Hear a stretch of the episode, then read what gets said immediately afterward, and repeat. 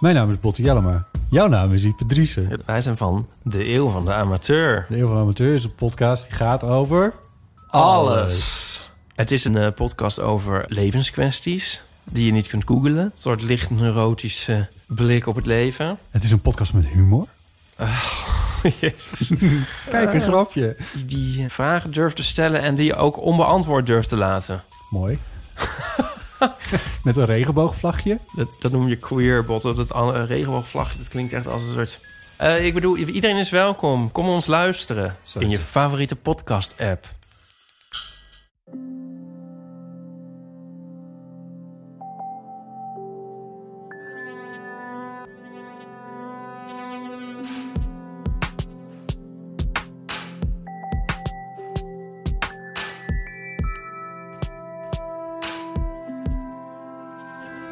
Hey, ik ben Pieter van Relaas. In Relaas hoor je waar gebeurde verhalen en die worden verteld door de mensen die ze zelf hebben meegemaakt. Ik hoop dat met jou alles goed gaat, beste luisteraar, en dat je je kan blijven verwarmen aan onze verhalen. Wij blijven ze in ieder geval met heel veel plezier sprokkelen en we doen dat altijd op verschillende manieren. Er komen mensen tot bij ons en die lichten een eigen tip van die verhalensluier op en dan gaan we daarmee aan de slag, stap voor stap. En dan boetseren we een verhaal dat in het lang en in het breed verteld kan worden. Een echt volwaardig relaas. En we nemen dat tegenwoordig op aan de voordeur of op een van de occasionele live vertelavonden die we nog mogen laten doorgaan buiten. Of we zetten op zondagavond digitaal onze deuren open. En voor iedereen die een kort verhaal wil delen. In deze aflevering hoor je twee van die korte verhalen die we wegtrekken uit ons zondagavondgevoel. Dus je moet je voorstellen dat kampvuur. En dan via deze podcast proberen in jouw oor te blazen. Je hoort straks het relaas van Janne. Het gaat over een niet zo makkelijke break-up. Maar we beginnen iets lichter met Karen. Karen vertelt over kip. Maar zoals ze zelf aangeeft, eigenlijk over vriendschap en over doorzettingsvermogen.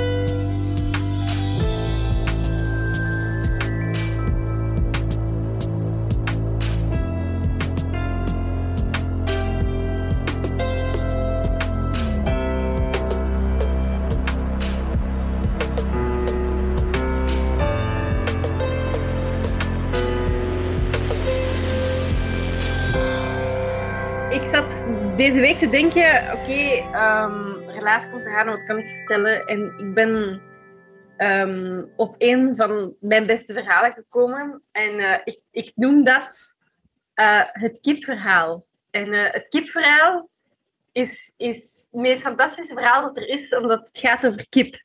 Het gaat over doorzettingsvermogen. Het gaat over, ehm, over vriendschap. Het gaat over alles. Maar het gaat voornamelijk over kip. Het is allemaal begonnen, ik denk, goh, dat is eh, 2016, een paar jaar geleden. Ik eh, was nog altijd student en ik ehm, wou met een paar vriendinnen op reis naar IJsland. En als iemand iets weet over IJsland, IJsland is duur. En IJsland is geen plek om naartoe te gaan als je student bent en je hebt geen geld. Dat is geen goed idee. Maar wat dachten wij, kom, we gaan naar IJsland. En we gaan dat op een budget doen. Dat is een fantastisch idee. Dus eh wij hebben op alles gebudgeteerd. Eh, we dachten, we gaan geen slaapplaatsen nemen. We gaan gewoon kamperen in de auto. Ehm, en dan uiteindelijk hadden we een soort van busje geregeld. Bij ook een van de goedkoopste plekken in, ehm, in IJsland. Dus we hadden waarschijnlijk keuze tussen één of twee ehm, verhuurbedrijven. Want IJsland is zo klein als een ert. En er wonen geen mensen. Ehm, maar we hadden een busje gehuurd en dachten we, we gaan slapen in dat busje. Eh, we kunnen gewoon goed kampeermateriaal mee- meenemen. Dat is een fantastisch idee. Dus wij, met ons vier, we zijn vertrokken eh, naar IJsland. We komen toe in IJsland en denken, oké, we moeten budgetteren. We moeten eigenlijk heel goed nadenken over wat we gaan eten en hoe we dat gaan doen. En we hadden dus ja, een, een gasvuurtje meegenomen, maar nog niet het gas. En dan gingen wij eh, een gasbidonnetje gaan halen. Ehm, en we zijn dus een gasbidon gaan halen en dan ook zijn we eh, inkopen gaan doen in de lokale Aldi, dat dan zo de bonus was, helemaal zo felgeel. Dat is zo een, eh, een varkentje in het midden, dat is zo ah ja, een, een, een, een, leuk varkentje in het midden. En ehm, Daar hebben wij alles van inkopen gedaan. We wisten, oké, we gaan een, een dieet hebben van waarschijnlijk droge brood en af, en toe een schelletje nesp. Ehm, en we zullen daar gewoon echt eh, alles van kopen. Daar in de winkel zelf, dus de Aldi van, ehm, van IJsland was ook al gigantisch duur. Dat je denkt, hoe kan dit nu? Dus we hebben zoveel mogelijk eh, gekocht dat we konden. En zeggen, dat is ons eten voor tien dagen. En daartussen zat ongebakken kip. En we hebben heel veel gedaan om die kip te bakken. Maar je weet, allee, de, de dagen gaan voorbij en je denkt van oké, we gaan de kip nog niet vanavond eten, want ja, het is een drukke dag geweest en we gaan ook niet dat gasvuurtje in elkaar steken. En denk ik, dag één, oké, geen zin in kip, dat is te veel moeite, eten gewoon boterhammen. Tweede dag, oké, we gaan eens proberen om dat gasvuurtje aan te zetten. Wat bleek? Het gasvuurtje past niet op de gasbidon. En dan dachten wij, ah ja, natuurlijk, dat is niet slim. dat is geen slim idee om een gasvuur van een ander land mee te nemen dat niet past op het uh. Ah ja, je zit ook in IJsland, dat is het buitenland. Uh, en dat is ook uh, een land waar dat er absoluut niets in de buurt is wanneer je al op stap bent. Dus wij konden niet naar een winkel gaan, want je had Reykjavik en dan vlakte. Zo, dat was het. Um, dus ja, wij vonden niet echt een manier om een gasvuur te maken. Wij dachten, oké, we eten gewoon droge boterhammen ook vanavond. Voor de rest zijn we gewoon blij om samen te zijn. Um, ja, de een avontuur na de andere. Um, uh, gigantische watervallen gezien. Zitten, zitten haken. Echt ondertussen zijn we de tijd van ons leven aan het beleven. En toch samen op een bepaald moment dachten we, oké, wij zijn hier in een, in een dorpje. Laten we hier eens vragen of dat er iemand ons uh, gasvuur kan, kan, kan maken. Ze zijn naar zo'n een zaak gegaan en die mens heeft echt zo het, het, het topje helemaal zitten afbreken om het in elkaar te steken. Niet gelukt. Die avond weer um, droge boterhammen gegeten. Uh, ook heel, leuk, heel fijn. Um, maar, maar we hadden wel ondertussen al nagedacht over uh, de mogelijke hygiënische um, problemen omtrent ongebakken kip. Um, en wij hadden elke avond de kip in een diepvrieszak gestoken en dan bovenop, um, bovenop het busje gelegd. En dankzij dat we dat eigenlijk gewoon in een natuurlijke vriezer konden steken elke avond, bleef dat eigenlijk best wel nog oké. Um, tot op een dag dat we dachten, oké, gasvuur gaat niet lukken. We gaan lokale hulp moeten uh, vragen. Dan zijn wij ergens in the middle of nowhere in IJsland um, gaan aanbellen bij mensen met een pannetje en een zak ongebakken kip. En dan waren wij, uh, hello, good day. Uh, we are tourists from Belgium. Would you like to please cook our chicken? En die mensen, ja, die, die IJslanders zijn heel, heel timide mensen. En die dachten echt zoiets van, nee, ik ga mijn kinderen beschermen. Deur toe voor de, deze vreemde Belgen die ons willen, willen overvallen met een ongebakken kip. Uh, ja, dus we proberen dat bij een paar mensen. Lukt compleet niet. Um, ik, ik geef hen ook eigenlijk de schuld er niet van. Uh, tot op het moment dat we dan aanbelden bij een school. En was een hele coole, grave kleuterschool, waar dat er een kok was. Daar was gewoon een kok, dat is fantastisch. Die, die maakt elke middag vers eten voor al die kinderen. En die heeft gewoon onze kip gebakken. En wij helemaal over the moon. Wij waren zo gelukkig dat wij kip konden eten s'avonds. We keken er zo naar uit.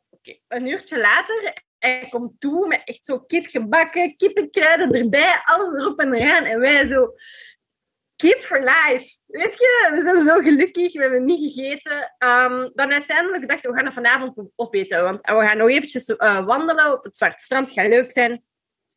Um, dus dan zijn we gaan wandelen, zijn we dingen gaan doen. Uh, S'avonds, we zijn zo moe, maar echt zo moe, dat we eigenlijk geen tijd hadden om, om te eten. Dus dan hebben wij weer droge boterhammen gegeten, uh, kip in het zakje gestoken, terug op het busje. eh, volgende ochtend, vertrekken en, en we komen dan uiteindelijk 's middags ergens aan en we dachten, oh, zalig middageten en onze kip opeten. En ja, natuurlijk hadden wij de zak niet meer van het busje gehaald en is dat weggevlogen en lag dat ergens op de vlakte iets te doen.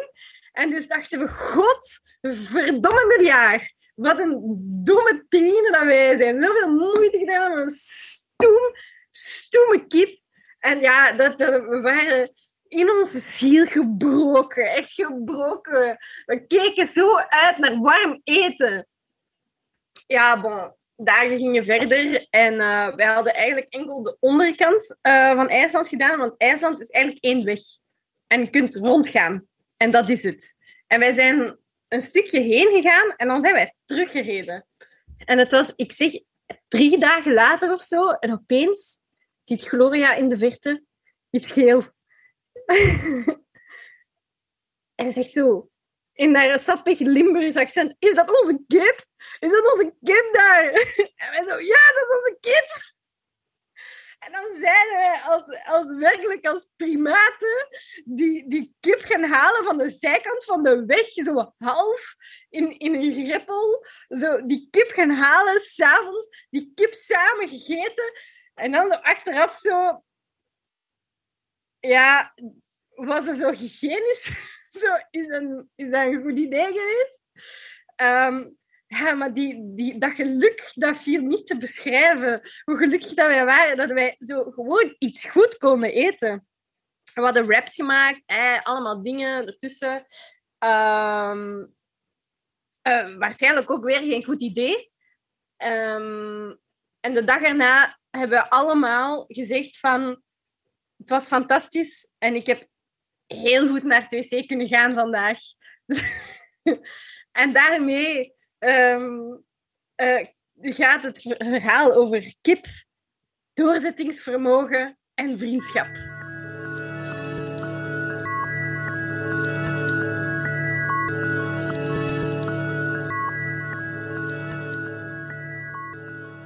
Ik vertel vanavond graag een verhaal eh, over die ene keer toen ik een relatie had met mijn buurjongen. Leek mij gepast voor deze vertelavond met de buurt. Het was niet in deze buurt. Eh, ik woon hier eh, nog maar een paar jaar in Gent, helaas. Eh, dus jullie gaan hem niet kennen. En ik vertel eigenlijk liefst ook het verhaal hoe die relatie geëindigd is. Maar daar komen we straks toe. Mijn ouders die zijn altijd lid geweest van de oud-leiding van een Giro.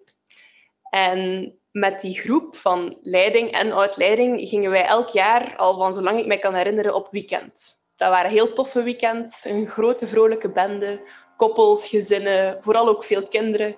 En met die kinderen vormden wij ook wel een hechte vriendengroep. En doordat wij zo elk jaar één keer op weekend gingen, dan uh, werden wij ook wel zo wat samen... Wij groeiden wat samen op, ik zal het zo zeggen.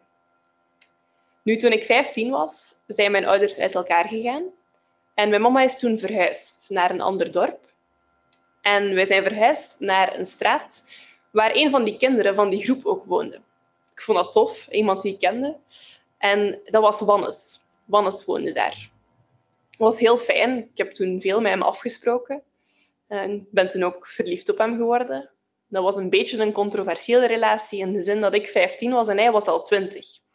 Nu, dat, voor ons was dat niet zo gek, want wij kenden elkaar al jaren. Uh, dat voelde helemaal niet zo raar aan, maar mijn mama was daar alleszins niet heel tevreden mee. Uh, want die woonde dan nog eens dichtbij, dus ik spendeerde daar al heel veel tijd. Ik had een heel duidelijk uur dat ik moest thuis zijn, uh, om tien uur s'avonds thuis. En dan kon ik om één voor tien vertrekken, want ja, dat was maar drie huizen verder. En meestal kwam ik dan ook om twee over tien pas toe thuis. Mijn mama had dan soms al de deur op slot gedaan uit statement van uh, je bent te laat, je mocht niet meer binnen. Maar ik vond dat helemaal niet erg, want ik moest dan maar twee huizen terugkeren en ik had een plaats om te slapen. Dus dat was een goede deal. Nu, ik, onze relatie uh, een paar maanden verder, vier maanden, vijf maanden. Ik was ondertussen al 16.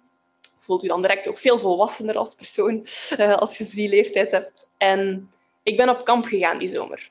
Ik deed dat elke zomer. Ik ging op uh, hele leuke themakampen. Soms was dat eens een theaterkamp, soms is middeleeuwenkamp. En deze zomer, toen ik 16 was, was het een filmkamp. Ik ging zeven dagen lang naar, Gent, was hier toen op kamp, film maken, ehm, leuke dingen doen. En dat was eigenlijk een heel toffe week. Ik ben super hard geamuseerd, heel veel nieuwe mensen leren kennen, nieuwe vrienden gemaakt en een hele week lang uh, spelletjes gespeeld, uh, dingen over film geleerd, films gemaakt. Dat was super tof. Ik heb die week heel veel gedaan en ik heb vooral heel weinig aan Wannes gedacht. Ik besefte dat zo gaandeweg doorheen die week, omdat ik s'avonds veel berichtjes van hem kreeg, waar ik eigenlijk niet zoveel zin had om op te antwoorden. Hij vroeg af en toe eens om te bellen, om te horen hoe het ging, maar ik was me aan het bezighouden met mijn nieuwe vrienden. Ik vond dat heel tof en ik had eigenlijk helemaal geen zin om met mijn lief uh, van thuis nog te sturen of te bellen. Nu goed, ja, uh, die week loopt op zijn einde. Het is de laatste dag en ik besef, ja shit, ik moet terug naar huis en ik moet terug bij mijn lief, die daar twee huizen verder woont. Maar ik heb eigenlijk helemaal geen zin. Ik heb een hele week niet aan hem gedacht. Dus ja, voor de 16-jarige ik was dat een duidelijke conclusie. Ik ben niet meer verliefd. Als je iemand niet mist als je weg bent van die persoon, dan zijt je daar niet meer verliefd op. En dan uh, moet je het maar gaan uitmaken. Dat was duidelijk. Ik had die beslissing genomen. Ik wist, ik ga naar huis en ik ga het meteen met hem uitmaken. Ja, het heeft geen zin om dat uit te stellen als het zo duidelijk is. Dus ik ga terug naar huis van het kamp na die laatste dag. Ik ga eigenlijk meteen naar zijn huis. Ik wist dat hij alleen thuis was. Eh, zijn ouders waren aan het werken. En ik zag vanuit zijn raam een koordje naar beneden hangen voor de voordeur. En aan dat koord hing een roos. Aan die roos hing de sleutel van de voordeur en hing ook een briefje. En op dat briefje stond geschreven: Kom maar binnen en ga naar boven. Heel mysterieus. Ik ga naar binnen en ik zie dat de weg naar de trappen is uh, bezaaid, zeg maar, met afbeeldingen, afgedrukte foto's van koppels uit series die wij samen heel graag keken. Een van onze hobby's dat was uh, series binge-watchen. En dat waren dan liefst series met heel veel afleveringen. Prison Break, How I Met Your Mother. Wij konden uren en uren series naar elkaar kijken. En hij had dan van al die series uh, de meest romantische koppels opgezocht en daar de meest romantische foto's van afgeprint, uh, allemaal op A4'tjes in kleur. En die had hij volledig uh, bezaaid op de grond, zowat de weg naar boven uitgestippeld. Dus ja, de moed zakt wel van mijn schoenen. daar had ik niet op gerekend. En ik wandel naar de trap. Ook op de trap liggen nog meer van die foto's van nog meer koppels uit nog meer series. En ik kom aan zijn slaapkamerdeur. Ik doe de deur open. En daar op de grond liggen heel veel brandende theelichtjes. Die waren uitgestald in een gigantisch hart op de grond. Kei romantisch. Ehm, en van achter de deur kwam Wannes. Hij had zich achter de deur wel verstopt als verrassing. En hij had uh, een wit marcelletje aan, enkel zijn onderbroek en een zwart strikje, zo à la uh, Chippendales-stijl. Ik vond dat toen heel sexy. Um, en ja, hij verraste mij. Oh, ik heb u zo gemist. Oh, je bent eindelijk terug. Oh, we kunnen terug samen zijn. Fantastisch. Uh, wat fantastisch zou zijn als ik ook nog heel verliefd op hem was natuurlijk. Dan was dat een heel romantisch gebaar. Maar in die paar seconden dat ik hem dan zag uh, en dat hij mij bijna ging knuffelen en kussen, moest ik beslissen, uh, wat moet ik hier nu doen? Ik kan, ik kan het nu toch niet op dit moment met deze romantische sfeer gaan uitmaken. Uh, ik zou misschien beter een week wachten en het dan zeggen. Maar ik heb dan toch op dat moment beslist om het te zeggen. Ik dacht, om het een week uit te stellen, dat is te zot. Als hij dan vraagt van, wist je dat vorige week ook al? En ik zeg ja, dan, dan uh, hang ik eraan. Um, dus ik heb het toen uitgemaakt. Um, hij had veel verdriet. Dat was geen mooi moment.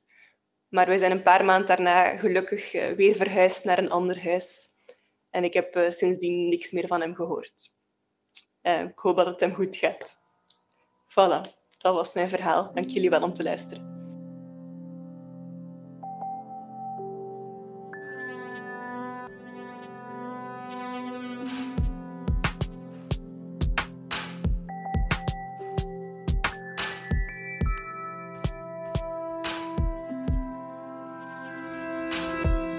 Dat waren de relazen van Karen en Janne. hebben het alle twee verteld op een van onze relaasverhalencarousels. Dat is onze digitale zondagavondafspraak met iedereen die een heel kort verhaal wil vertellen. Het break-up verhaal bijvoorbeeld van Janne, dat was iets speciaals. Want ze heeft het verteld op een avond waarbij we allemaal mensen van de Gentse wijk Magarius samen hadden gebracht. Als een soort nieuwjaarsontmoeting, dat was het eigenlijk ook letterlijk, een nieuwjaarsontmoeting in tijden van corona, digitaal, en elkaar ontmoeten en een goed nieuwjaar wensen door verhalen te vertellen. Heel bijzonder was dat. Relatie is er dankzij de steun van de afdeling cultuur van de Vlaamse gemeenschap, maar ook van die van de stad Gent.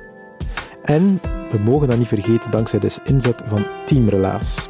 Een hele groep verhalenliefhebbers die graag verhalen sprokkelen, coachen, op een podium brengen of hier in deze podcast brengen. Het liefde voor de petite histoire, een klein schelletje leven dat we tot bij jou willen brengen. We verzamelen ondertussen verhalen in Gent, Antwerpen en in Brugge. Als jij dus zelf iets te vertellen hebt, schrijf je dan in voor onze volgende verhalencarousel. En daar kan je de korte versie van jouw verhaal al brengen, voor een beperkt klein publiek. Of als je je daar niet volledig comfortabel bij voelt, dan kan je ons altijd jouw verhaal achterlaten via een formulier op onze website. En als we daar iets in zien, dan contacteren we jou en dan gaan we met jouw verhaal stuk voor stuk aan de slag.